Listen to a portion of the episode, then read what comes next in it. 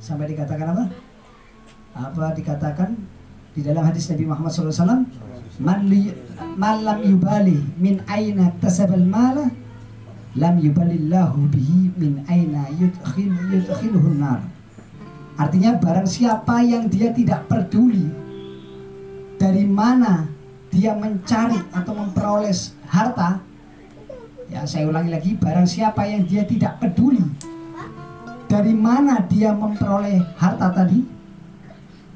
Di dalam mencari harta lam yubalillahu bihi min aina yudkhiluhun nar. Maka Allah juga tidak akan mempeduli Allah tidak akan peduli dengannya dari mana dia akan dijebloskan di dalam neraka Allah Ta'ala